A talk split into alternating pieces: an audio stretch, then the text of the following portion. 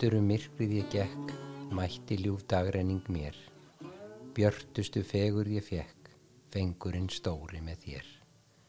Hugfangin hjartans rós, ei held ekki nótta fyrr, mildi hreinlind og rós, hugurinn loksins varð kyrr. Af styrk þínum varð ég smár, sönn markmið mín veistu einn, gróanda sáður í sár sem blættu og urðu reyn.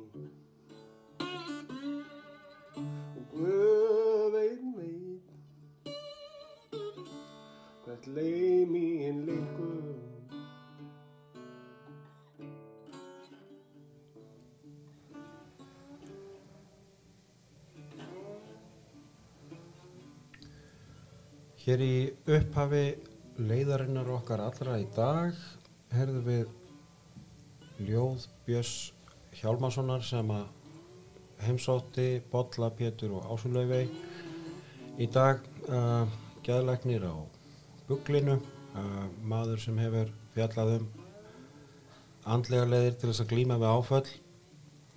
Uh, segir ykkur sögu sína í dag. Uh, hvað tókst þú með þér ása svona helst úr þessu góða spjalli? Mér finnst uh, svolítið merkilegt uh, kannski náttúrulega minnst í svon sinn og, og hvernig hann uh, nýtir einhver leiti þá reynslu með að vinna með ungum, ungum ennum í dag. Og það var bara mjög áhugast að lusta á hann, hann hefur mjög opinn með sína reynslu. Og það var virkilega gott að spjalla með hann. Átakanlega ljóð Bolli snerti ljóðatögina í þér? Já, þetta eru, þetta eru sterk ljóð. Og uh, ljóðin eru mjög öflugur og góður tjáningamáti til þess að, að koma svona reynslu sinni og, og lífsín áleiðis og uh, svona í kjarnistu máli og, og, og svo er líka bara gaman sjálfur og fyrir aðra að, að tólka og finna hvað býra baki. Kjarna svona þetta sem að lendir í á lífsleðinni Já, góð leið til þess og, og Björn nýti sér það vel. Við uh, fáum að heyra uh, af þeim atbörðum á leiðinni að spjöss í þættu dagsins. Ég kem aldrei framar hér Thank you.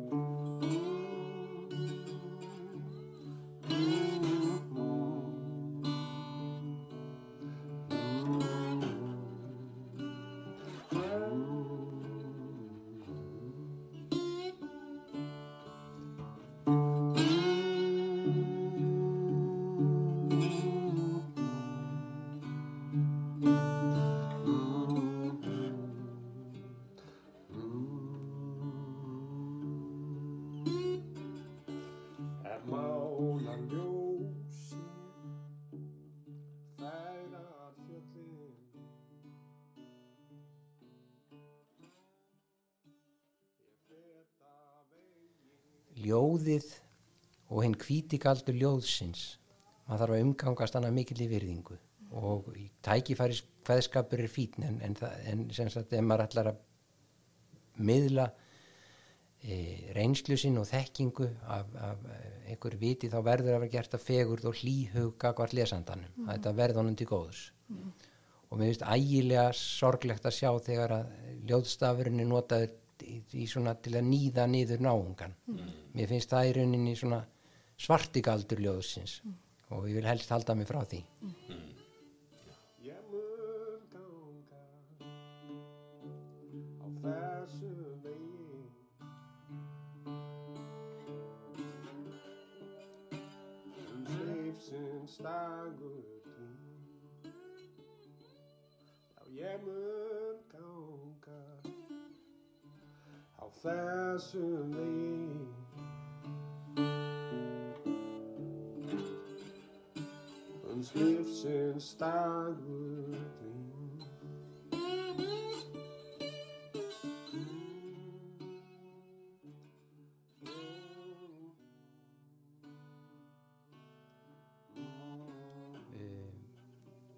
Pappi hafði sagt mér á sínum tíma að Sigurbjörn Einarsson væri eitthvað mesti trúmaður sinnar samtíðar. Og ég fór í Hallgrímskirkju, það var á bóðunardegi Maríu. Mér minnir að það hafi verið 2004 eða 2005 og ég sé mér til undrunar að í næsta sæti við mig situr Sigurbjörn Einarsson biskup. Og að aðtöp lokinni þá fæ ég að setjast við hliðina á honum í smástund og segi að ég misti svon og til mín hafa tekið að streyma alls konar torræðar upplifanir og, og hugmyndir sem ég veit ekki hvað ég að gera við. Og hann hugsaði þessu um í svolítið stund og saði svo bara ræktaði trúna. Og þar með var því samtali lokið það var bara þessi setning. Og sem er nú áhrif að rí Já, akkurat. Og þú hefur þá sem, eh, farið, farið út í það að rækta trúna? Já, þá fór ég svona að eh, hérna gerast svona meiri hvað sé að duðlíkjumadur ég fór að, eh, sagt, að líta á þessi skilningsbrot sem mér voru rétt sem bara upplifanir sem ég þyrfti að reyna að búa til eh, eina samfelda held úr. Og eitt af því sem kom út úr þessu var að mér tók að dreymum að hanna og smíða hörpuna sem Davíð Stefansson frá Fagraskói orti svo mikið um. Já, og, það, og svo fór ég að, að líka nota þessa svona skilningsdrauma til þess að yrkja. Já. Um, ljóðið, já hefur það verið að bjargráð? Já, engin spurning. Ég á Tómasi Guðmundsinni borgarskáldi skulda gjalda ég sótti eftir að ég misti svon í Hollandi árið 2002 þá sótti ég gríðarlega mikið í ljóðinans Tómasar og fann þar mikla huggun. Og mér skilst að hafa verið Þórir Stefensen domkirkjuprestur sem í fram að ljóðið væri tungumál trúarinnar. Já, og ég trúi því að svo sé og, og þegar að ljóðum Tómasar Guðmundssonar slefti þá tók Daví Stefáns frá Fagraskói yfir sviðið. Já, og þá og mér finnst bestu ljóðskáldin okkar sannir bóðberar svona hreitnar trúar. Já, já. Og ljóðið er auðvitað líka þessi svona knappi texti sem að knýr mann líka til þess að að tólka bæði fyrir sjálfan sig og, og líka fyrir aðra. Já, ég, mér finnst eh, hérna ljóðið í rauninni tegja sig niður í undirvitundina. Já, og velgerð ljóð eru þannig að þau sagt, segja kannski hvað mest, það stendur kannski hvað mest á milli ljóðlínana. já, Það er þetta rými sem að skáldið gefur uh, lesendum sínum til þess að já. Og ég tók ljóðinans Tómasar og, og Davís bara mjög persónulega, ég held í fram að þau hefur verið orti mín. hittu þannig beint í mark Já, nákvæmlega. og, og, og það er þannig með ljóð, bestu ljóðin að, að þau hitta mann beint í hjartað. já, þau tala sér beint inn í hjartað og það var snilt bæði Tómasar og, og, og Daví Stefánssonar þeir ortu svo fallega að þeir náðu bara beint inn til hjartans já já, þú hefur sagt sögu þína um, um svonarmissin og, um, og svona sagt frá uh, þínum tilfinningum og þinni sorgar úrvinnslu sem eru margt mjög merkileg. Um, og, og sko nú nú er liðin uh, nokkuð langur tími frá því að þú mistir svondin já, hvað er það orðið marg ár? hann deyr sér að 2000 og, og, hérna 2 þannig að það eru rúm 19 ár. Já, hvernig, sko, hvernig finnst þér þú vera stattur í dag?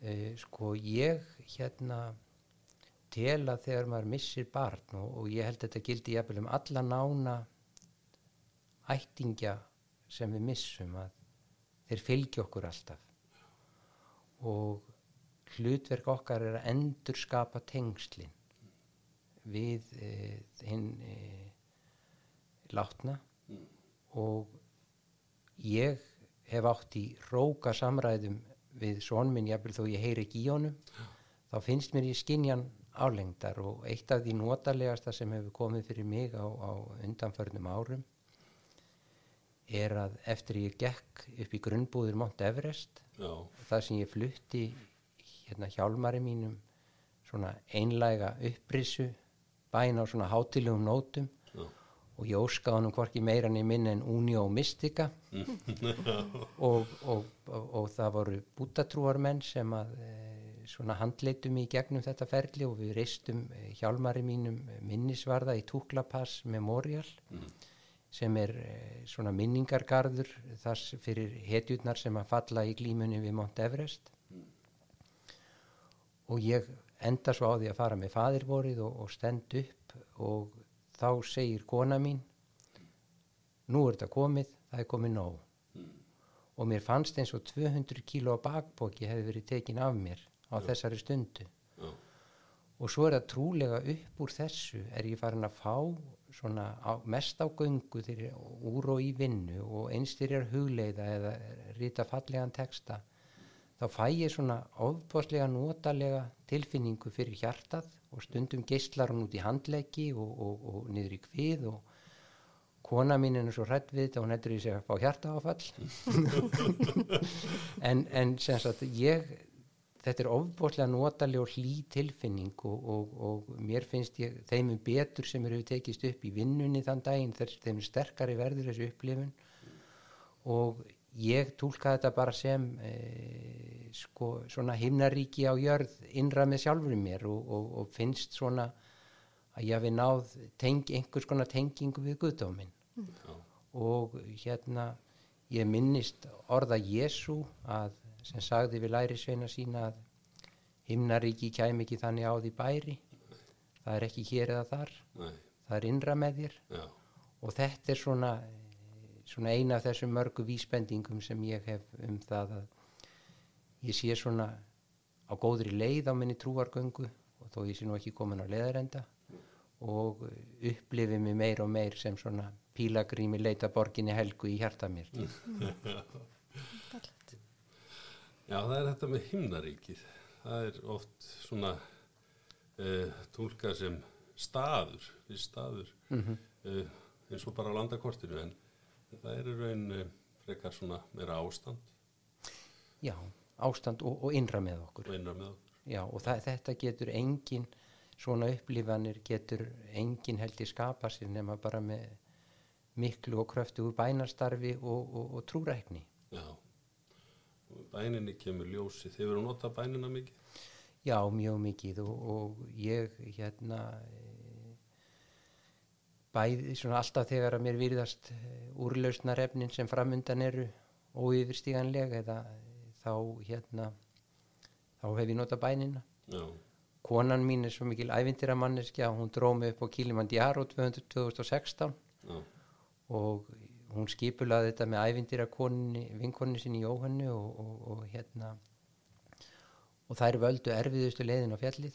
Já, og það stóð og svo tveimur vikum árum áttan fara þá fór ég að lesa mig til svona vildi bundibúa mig.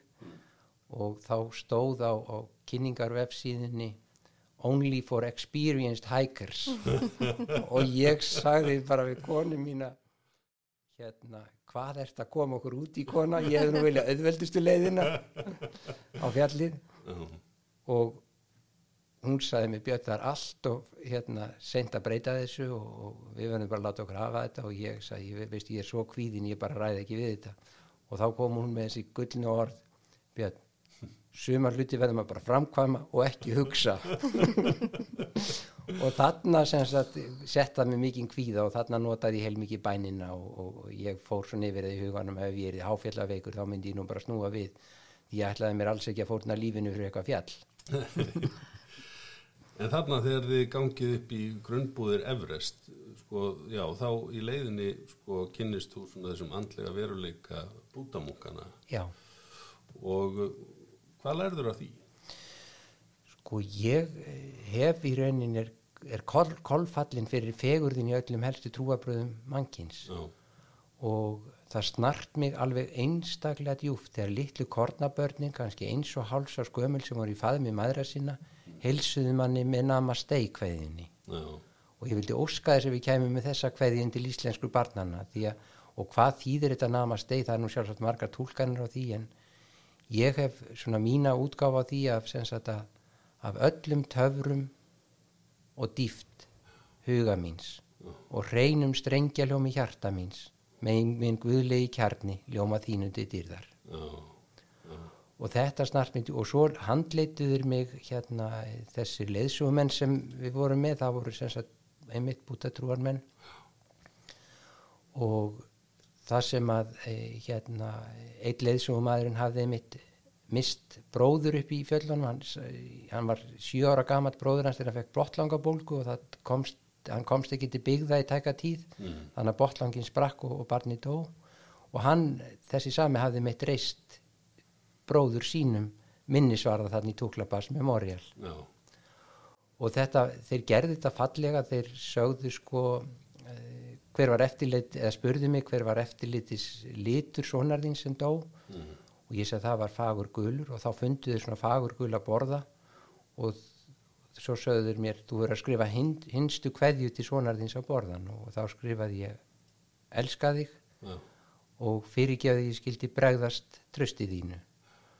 Og skrifa þetta á borðan og, og svo förum við þarna upp í Túklapass Memorial sem er í svona liðlega 4000 metra hæð. Já, og þar raða þeir upp svona lítilli vörðu úr litlum steinum sem þeir fundu og vöfðu borðanum um og svo leggst ég þarna á hnén og flytt mína bæn, uni og mystika bænina við hérna e, minnisvarðan já, og þetta varð svona einhvern veginn nýtt upphaf já, að, að, og, og að, að svona einhverju nýju, nýri tilvist, nýju lífi, já og ég hérna eh, tímamót, þetta er tímamót svona á þann hátt líka ég fór að gera svona meira og meira andlega sinnaður. Mm, uh, mér finnst jóka heimsbyggin ákaflega eh, falleg að því letinu til að það er lagt svo mikið upp úr því að sína sjálfum sér hlýju og skilning. Mm, og mér finnst svo mikið þörf á því í þessum hraða og ís og þess nútímans og, og svo eh, hérna hef ég lesið The Bhagavad Gita The Song of the Lord Mhm. sem er ykkur dýrmætast að gjöf indverja til mannkins. Mm, og mér finnst ég svona bæði í bútatrú, í Múhamestrúni og, og, og þá finnst mér og kristinni trú, mér finnst ég farin að skinja álengdar þennan innsta og sanna kjarna trúarbræðana og mér finnst engin trúarbræð standa undir nafni nema þessu einlæg, heiðarleg og falleg og engin bókstafstrú heldur bara djúpur mannskilningur með virðingu og hlýju að leiðarljósi.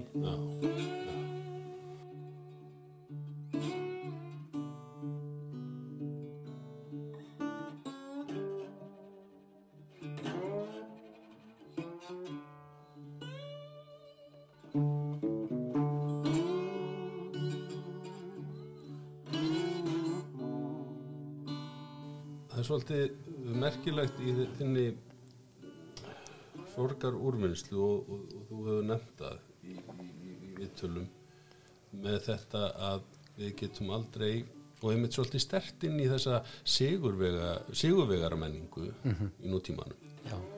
Að, að við getum ekki sigrast á sorginni. Nei. við verðum að, að, að vingast við hana.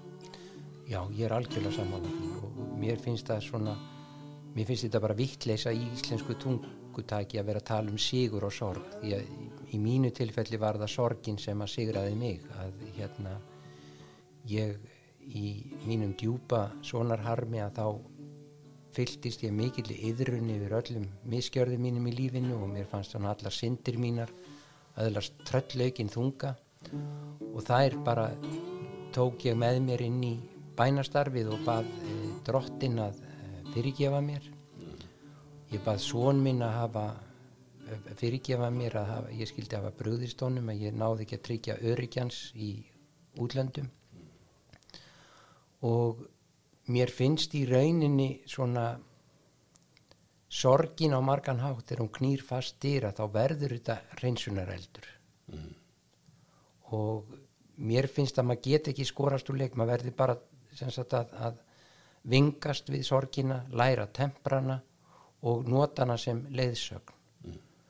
Og ég er komin á þá, þá svona í tilvistar heimsbygginni þá er ég svo hallur undir fræði Viktors Emil Frankl. Að hann segir sem sagt að leiðina tilgangi lífsins eigi sér í rauninni bara þrjú leiðarstef. Já, og það er í fyrsta lagi að tengjast öðrum nánum persónulegum böndum þar sé ástin og þá myndi ég segja að það að tengjast sjálfum sér sterkum ástarböndum er eitthvað dýrmættasta gjöf sem hægt er að gefa nokkru manni. Næsta skref til í merkingarleitinni að hætti Viktor Semil Frankl er að viðurkenna þjáninguna og vinna sér í gegnum hana fremur en að afneitinni og það mætti segja sem að þjáningin er eitt af stóru andlitum sorgarinnar. Já, og síðan í þriðja lagi að afreka því sem hugur stendur til og mér finnst þetta sem sagt að, að e, hérna einlæg og innileg trú hjálpar okkur með öll þessi þrjú leiðarstef já, já. Og það gefur þessu orðum Viktor Semil Frank eh, auki vægi að hann lifði af útrýmingabúðir nasista. mikil ósköp, hann var gýðingur og, og, og geðlegnir og uh, misti bæði foreldra og eiginkonu í útrýmingabúðunum og hann fekk tækifæri til að rannsaka þessi þrjú merkingarlögmál sem ég kalla gjarnan ást, náð og dáð Já, við þar hörmulegustu aðstæður sem er að hugsa sér já, þannig að ég- mér finnst leitina tilgangi lífsins eftir Viktor Emil Frankl bara klassísk fræði já, algjörlega. Björn, hvernig sérðu Guð? ég er svona fyrir það hvað ég hef sótt víða fanga þá þætti ég kannski svolítið fjöllindur í trúmálum en, en í raunin ég held að ég sé svona algiðistrúar Mm og ég leita mikið eftir því að sko, finna þennan guðlega kjarna í sjálfu mér og öðrum. Og ég held að, að sko, ég sé enga persó, ég sé ekki guð sem persónu heldur sem hlýjan og, og, og traustan anda sem að gegnsýrir allt sem lifir Já. Eh, hefur orðið breyting á, var sko uh, hér áður fyrr sástan öðruvísi? Já, það var svolítið gaman, ég eignaðist, ég, sagt, við, við skildum við foreldrar Hjálmars heitins að því að bara sorgin bugaði hjónabandið og við fórum svona uksum og þroskuðumst í burtu hvort frá öðru. Og svo eignast ég eh, hérna nýja konu, dagníu mína sem að ég ortið mitt e, ljóði dagrenningu til. En hún kom með litla e, fjagra ára e, stjúpdóttu mínin á heimilið og við fórum heilmikið í gönguferðir við Hannatara og, og, og hérna rættum um Guð og, og hérna hún segir við mig einu sinni á göngu Björn, það er eitt sem er svo skrítið. Þú segir alltaf hann Guð. Það er hún Guð. Og, en, en síðan hefur þetta sem sagt smá saman þróast og ég sko bara trúði þarna einlagni bassins og það var kannski ekkit galið að kalla bara hún Guð en, en ég gekk í Lónsörafum í sömar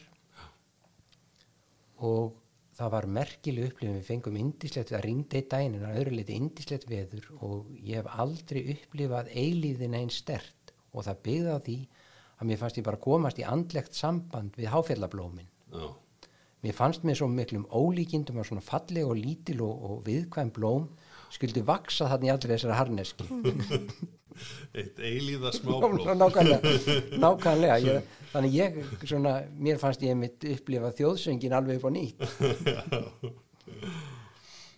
Já, þú ert með í pókahotnunni hérna og lifur okkur að heyra tvö ljóðaðina, já, dagreiningu og endur, endur, Sálræn- endurheimt já. já. Um, svona hvað býra baki þessum ljóðum?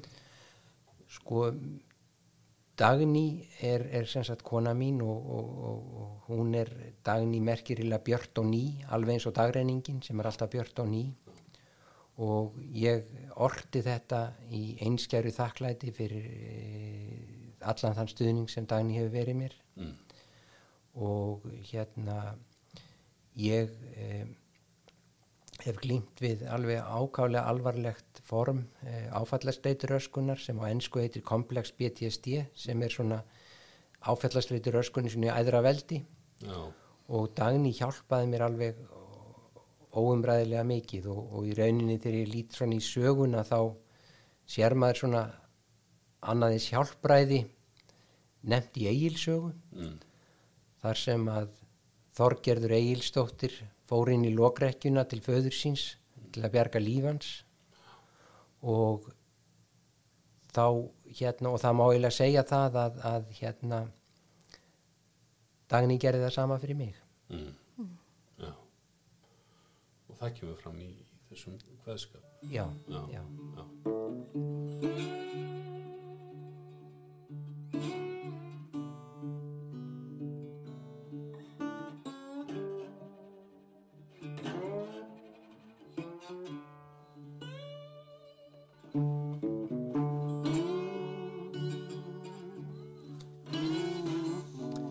Sálræn endurheimt. Híminn er heiður og tær heimspekin sækir að mér.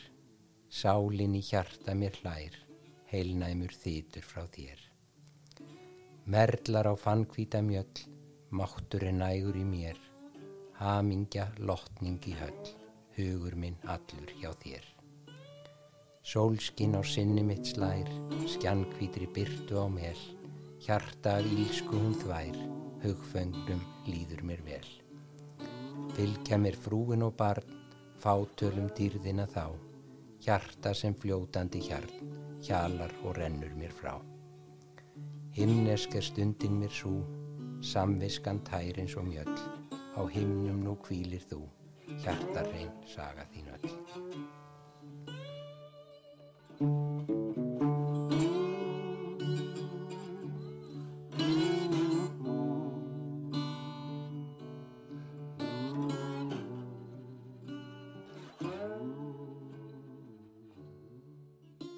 Já, það er svolítið skemmtileg saga að segja frá því. Það er, Sálræn Endurheimt er, er hérna e, ljóð sem ég orti til Láttins Svonar og við vorum eh, hérna upp í sumabústanum okkar í Borgafyrði. Það var um helgi, það var nýfallin snjóri yfir öllu, jörðin stjanna hvít og baula skartaði tíginni fegurði blú, brúðarslöri svona í fjarska. Það sást ekki skínóður á himni og við fengum okkur göngu þarna um uh, landið og lækurinn hjalaði í klakaböndum og, og grófu, gróðurinn var farin að hjúfra sig að, að jörðinni, blaðlaus.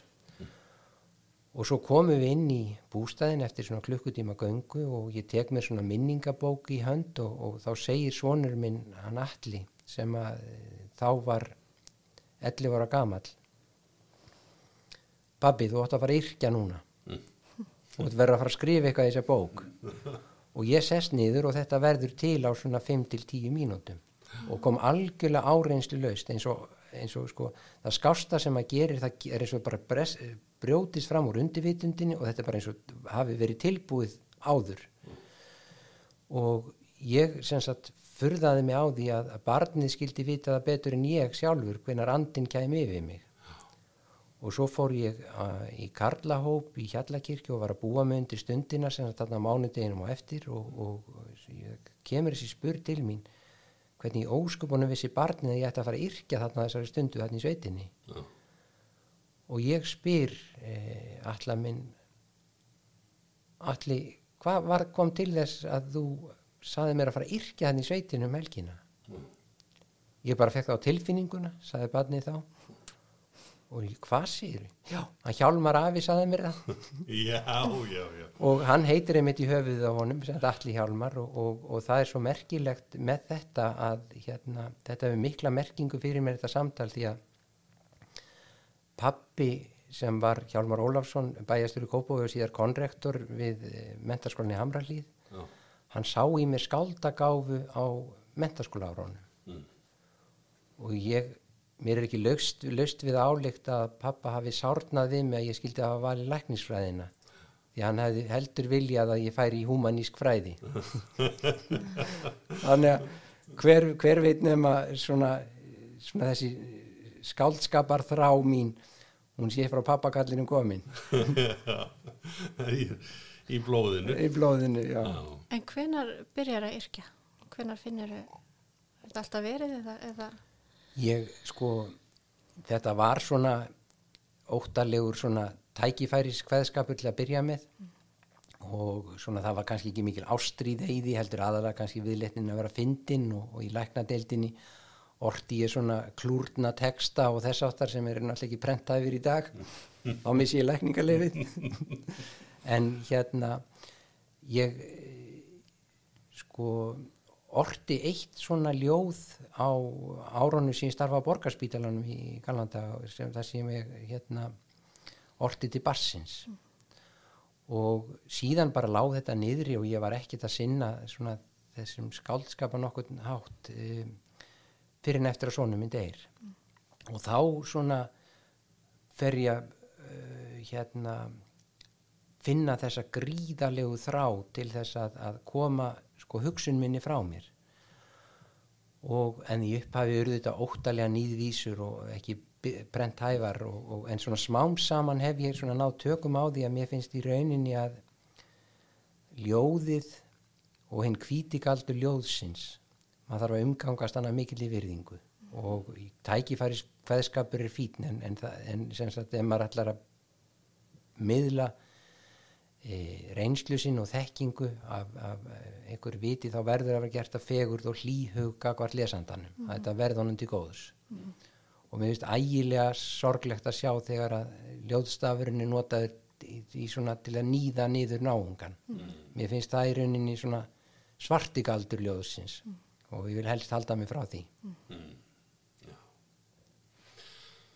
Já, við höfum nú komið inn á svona ákveðin bjargráð í þínu lífi uh, og samanber hvaðskapurinn og, og fleira og, og, og fjallabröld og, Mm, og ýmislegt. Já, En e, það að, að miðla reynslu, mm uh, er það í sjálfu sér vist bjargráð? Já, það er það og ég, mér sárnar ákala við það þegar að fólk er að koma með reynslusögur sínar uh, fram ofinberlega að kalla það tilfinningaklám. Mér sárnar alveg einstaklega mikið við það viðhorf.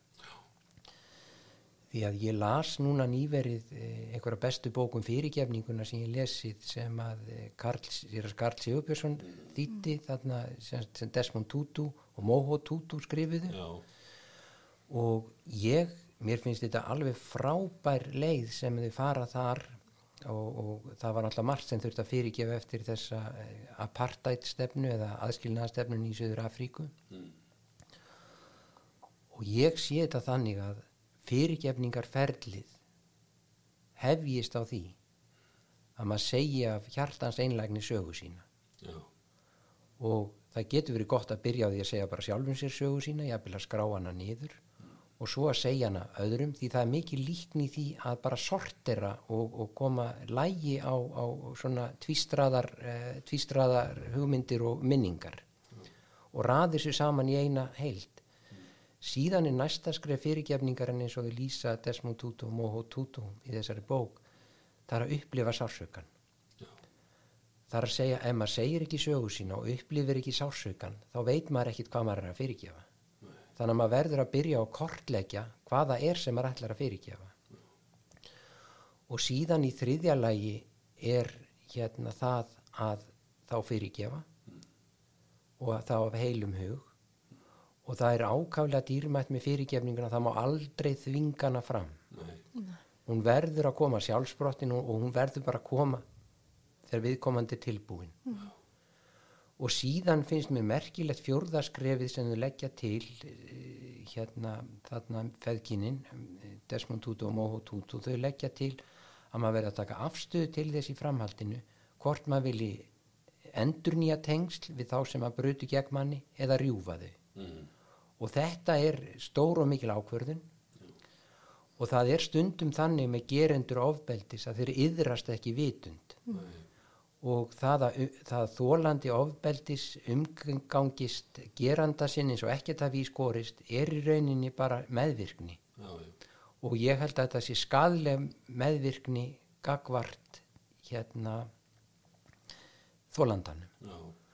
og því að sko það er hægt að maður fyrirgefur bara fyrir sjálfan sig og það þarf ekki að segja neinum frá því hvort maður hafi fyrirgefur honum ekki en bara maður gerir það fyrir sjálfan sig til þess að losa bakpokan af bakinu og þurfi ekki að burðast með þessar risastóru byrðar.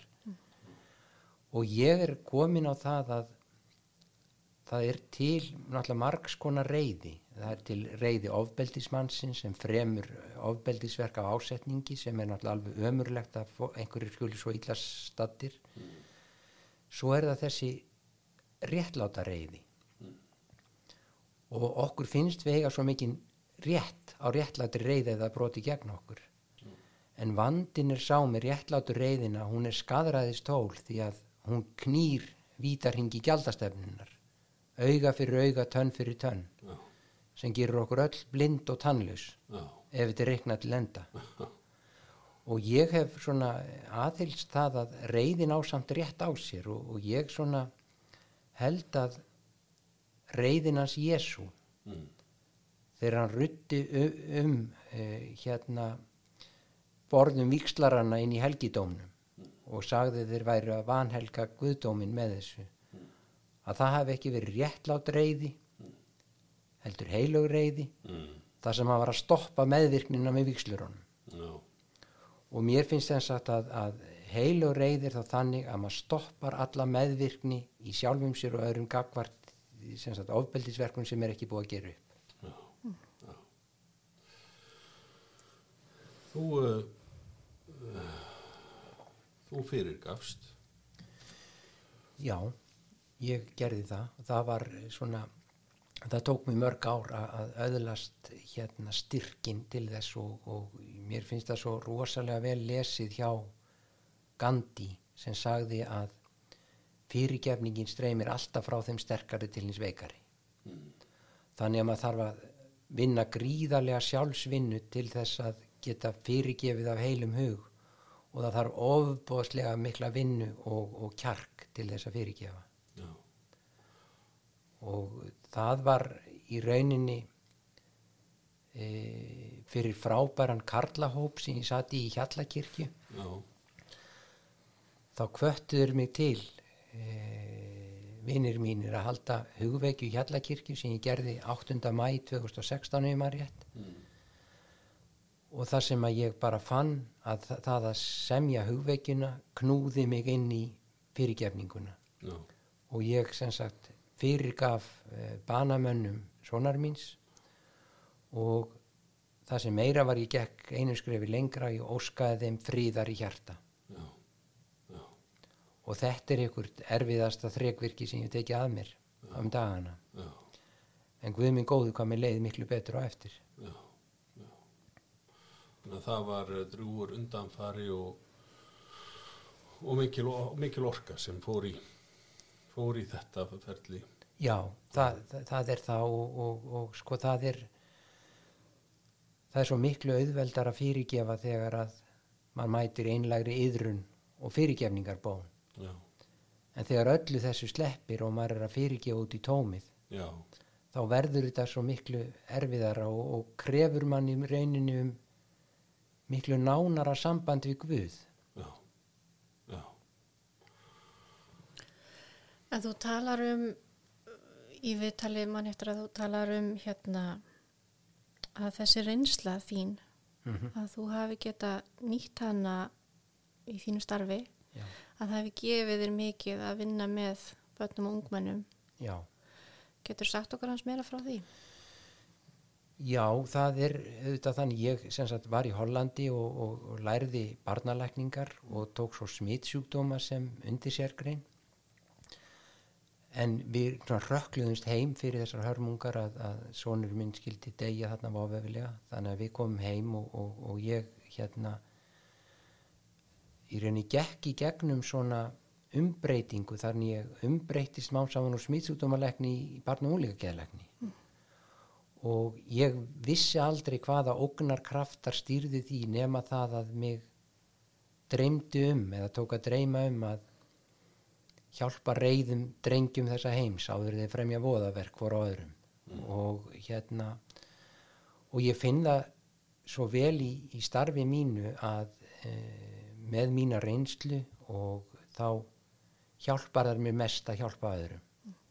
Og í rauninni hafi mér tekist lista vel upp í vinnunni og er á göngu og leiðinni heim að þá flögrar vafur login í brjóstinu. Þannig að þá finnst mér ég vera á góður í leið.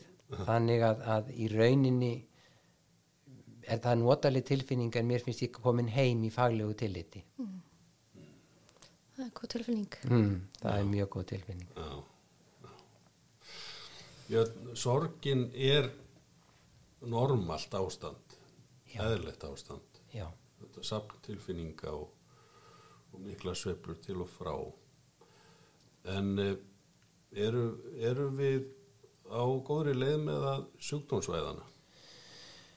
Já, mér finnst í rauninni mjög sorglegt að mér virðist ég skinja að trúrækni þjóðarinnar farið hnignandi og, og, og hérna fólk er farið að láta eins og að sé búið að afsanna tilvist Guðs. Og ég hef aldrei séð slíka sönnun og, og ég veit ekki hvað fólk hefur fyrir sér í því að það er auðvitað margt umdelt í biblíunni og, og hérna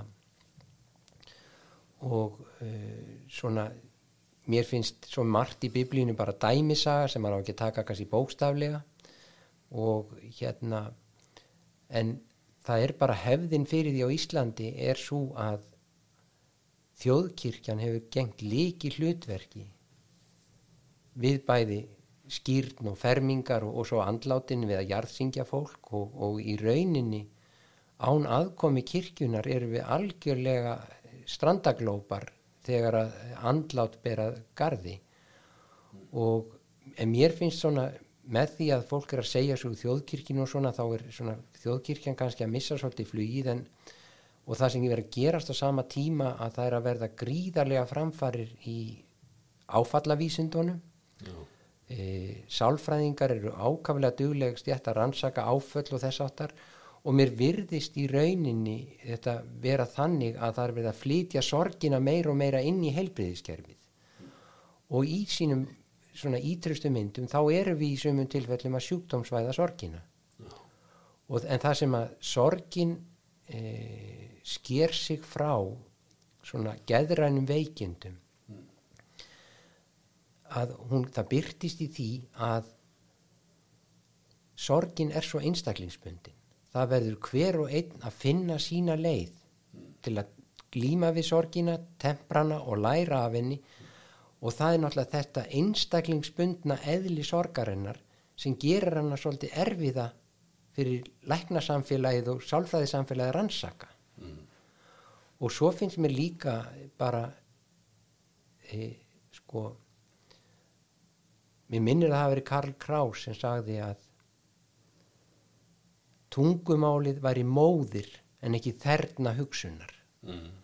og það býr svo mikil viska í íslenska þjóðararfinum og í tungutakin okkar og hún er svo kristin tungan okkar ef við skoðum það, ég meina allir frítagarnir okkar eru á, á, ákvarðað þeirra kirkjuárinu og nema bara þjóðatíðadagurinn og, og mér finnst ef við rýfum þessa þekkingu upp með rótum og höfnumenni að þá er það ríklað verk í staði því að við þurfum virkilega á þessum þjóðararfa að halda og að við sem sagt það er gríðaleg þekking í öllum ljóðunum því að skáldin voru hér á, á fullu kaupi áður fyrir, við að hugga fólk og, og þessi þekking er þarna og við eigum að nota hana Já. ekki varpenni fyrir róða Nei.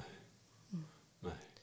ég orti til hérna e, Davíð Stefansson var að Fagraskói svona ástarljóð þó að hann var í löngu látin ég, held jafnvel að ég væri Davíð Stefánsson endurborin, ég hafði það svo heilanum. En svo komst ég að því að ég fættist 1963 og hann dó 1964 svo það gekk ekki. En í, í ástarljóði mínu til Davíðs fyrir alla hjálpina sem hann hérna veitti mér að þá endaði ég ljóðið á þessum, þessum lín, ljóðlínum.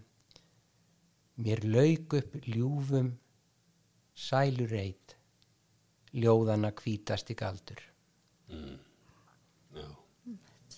Og, uh, og Þorstein uh, Erlingsson er það ekki líka sem Jú, ég hérna þegar ég var alveg miður mín ég gat ekki sofið á nóttunni eða e, þurfti virkilega hugguna þá hérna gekk ég að höggmyndinni af Þorstein Erlingsin skáldi já, sem er á hérna Miklatúni eða Klambratúni og þar stendur þessi fallega ljóðlína. Ég trúið í sannleiki að sigurinn þinn að síðustu vegina jafni. Já, og ég hugleiti þessa setningu bara jafnvel dag og nótt um tíma og ég hugsaði með mér að réttlæti mannsins er svo hérna brotætt og hverfult að ég notaði þessa setni ljóðlínu Þorsteins til þess að stíga bara af fullum þunga á því æðra réttlæti. Það er að segja að trúði, ég trúi því bara að drottin muni jafna reikningana þegar að áður en yfir líkur og það sé ekki mitt hlutverk að dæma annað fólk heldur er það þá meira hlutverk drottins er hérna það er svolítið tókstreita í í þessum uh, uh, sjónarhornum eða vinklum þetta að, að uh, þú sleppir lausu og, uh, og sleppir sko til að geta haldið áfram með þitt líf.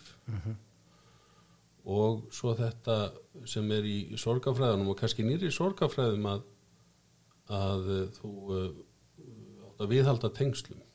Já, já. Hver, hvert er svona þitt viðhorka hvert þessu? E, sko það sem við þurfum að sleppa er öll dómharka gagvart okkur sjálfum og öðrum. Mm.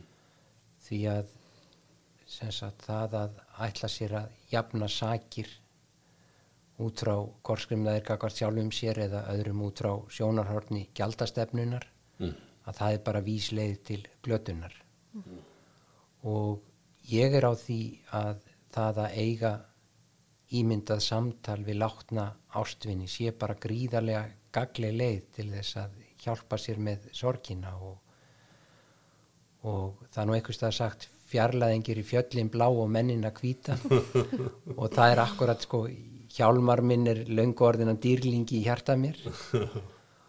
Og en það að, að sleppa takinu á réttlátu reyðinni já, á svona hemdarþorstanum og svona sem að mun klárlega bara kalla yfir mann meiri erfiðleika að það finnst mér ákaflega dýrmætt og, og mér finnst í rauninni að e, sælubóðinans Jésu í e, fymta kapla Mattíusar Guðspjalls. Já, hafa reynst mér gríðarlega dýrmætur leiðarvísir í átt að því að stíga á hitt æðra réttlæti.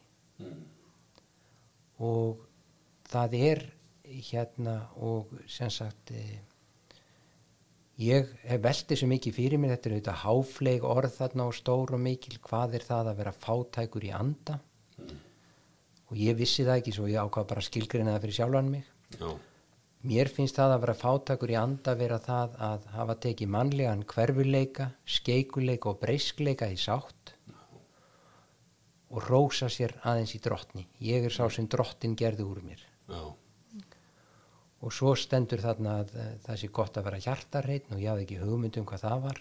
Svo ég skilgrindi það bara fyrir sjálfan mig. Og mér finnst svona það að vera hjartarreitn vera það að maður hefur gert upp allar syndir sínar, maður hefur beðist drottin fyrirgefningar á öllum mistökum sínum og vangáningi og þess áttar í lífinu. Og hefur hérna endurhint sakleysi sitt á fullorðins árum. Og ég tek undir orð Nelson Mandela sem sagði að hann var í syndari sem inn í stöðugt að því að bæta sitt ráð. Og ég, ég gerði þau orða mínum. Að, og mér finnst það í rauninni þetta að vera syndari sem að stöðugt uh, hérna, vinnur að því að, að, að, að hérna, bæta sitt ráð að það er leiðin til þess að verða hjartarheit Já, já, já.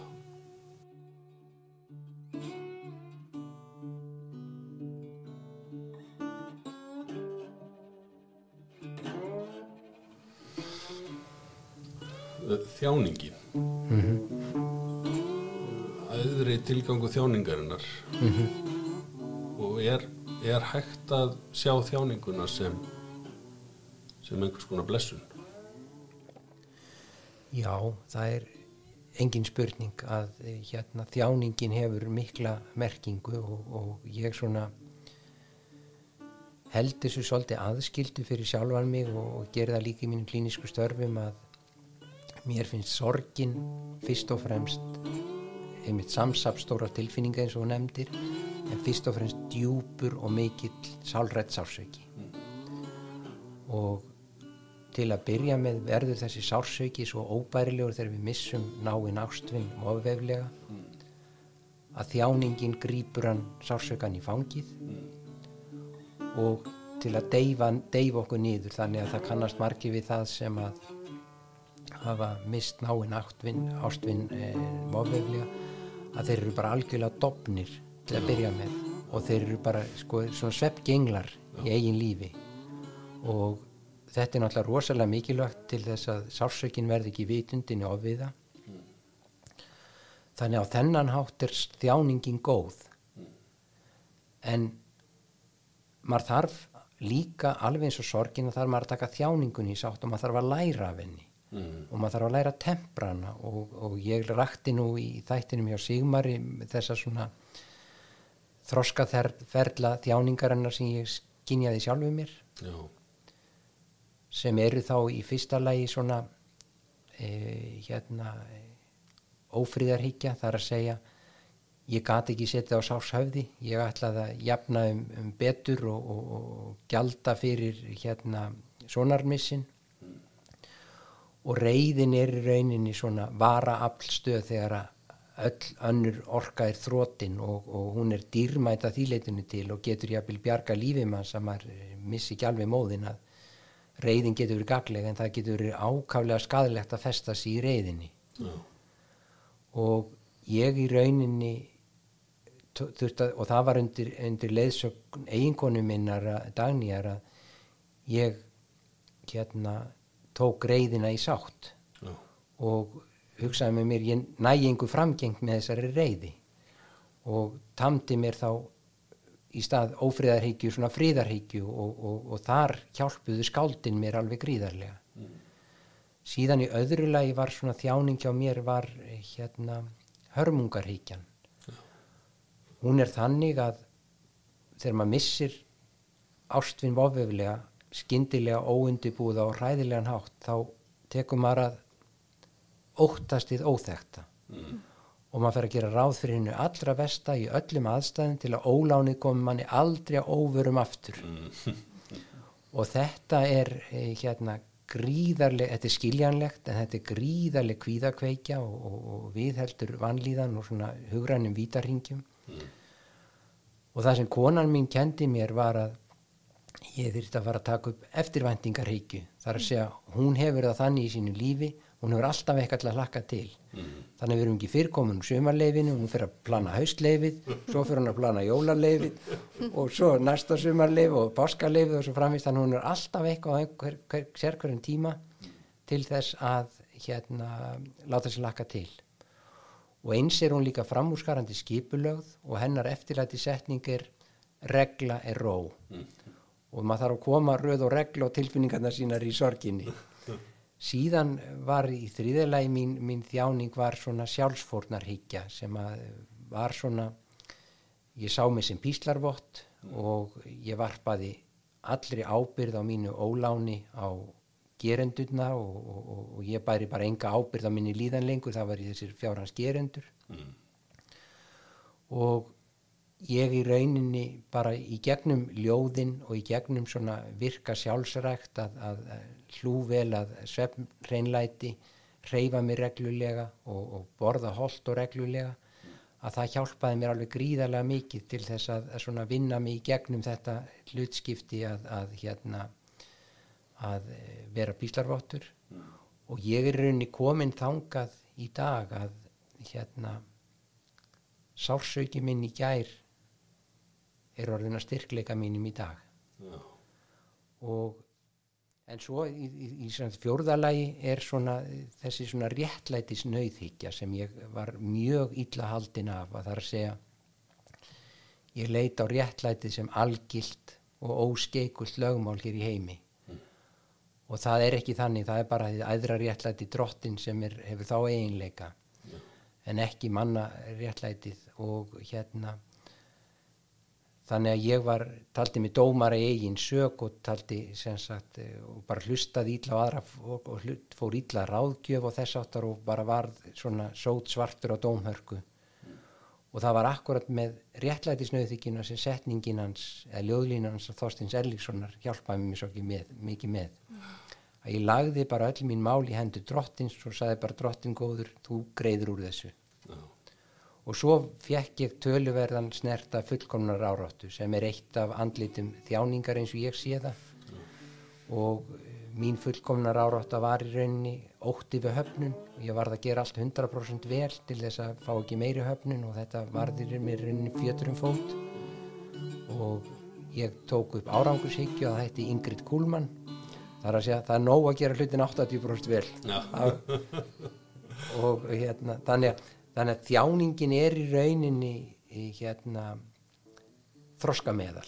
Já. og uh, það er dýrmætt að láta sér þykja vænt um sorgina og þjáninguna.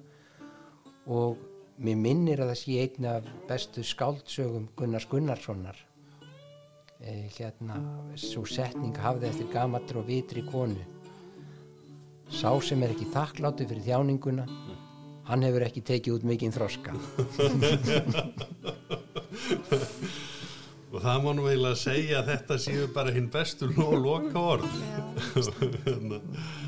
og Björn Hjálmarsson, innilega þakkir fyrir komin að hinga í þáttu til okkar. já, takk fyrir að bjóða mér þér vel.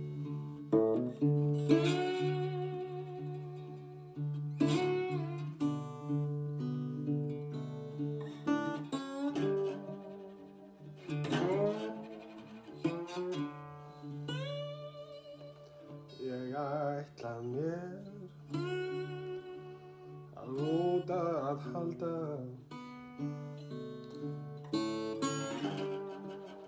Að lögin valda því. Mörgum á. Ég greið að gjalda.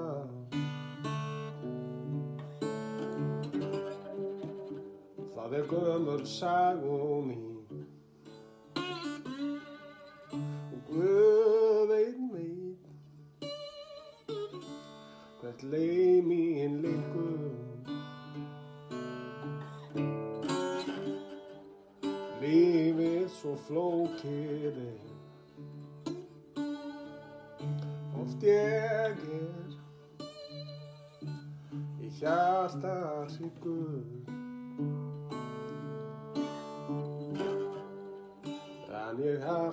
graça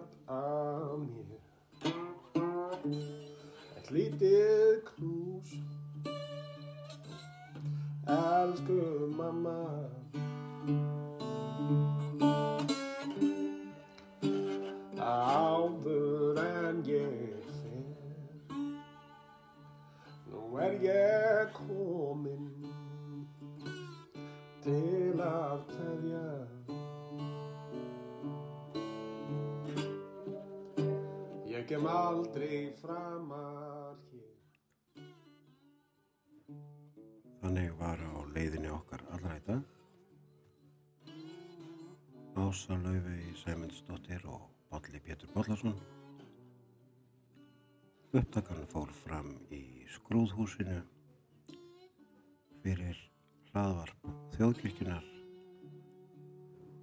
kirkjuvarpið. Upphafstef er eftir Þorstein Einarsson. Það er leiðin okkar allra. Teksti eftir Einar Georg Einarsson. Og þakku við þeim kærlega fyrir. Ég Umsjón og klipping er í höndum Arnaldar Mánu Hinssonar. Við þökkum þér fyrir að vera samferðað í dag. Hittumst heil. Góðar stund. hún dregur mig þaninn Það ger sendi Ég sendi öllum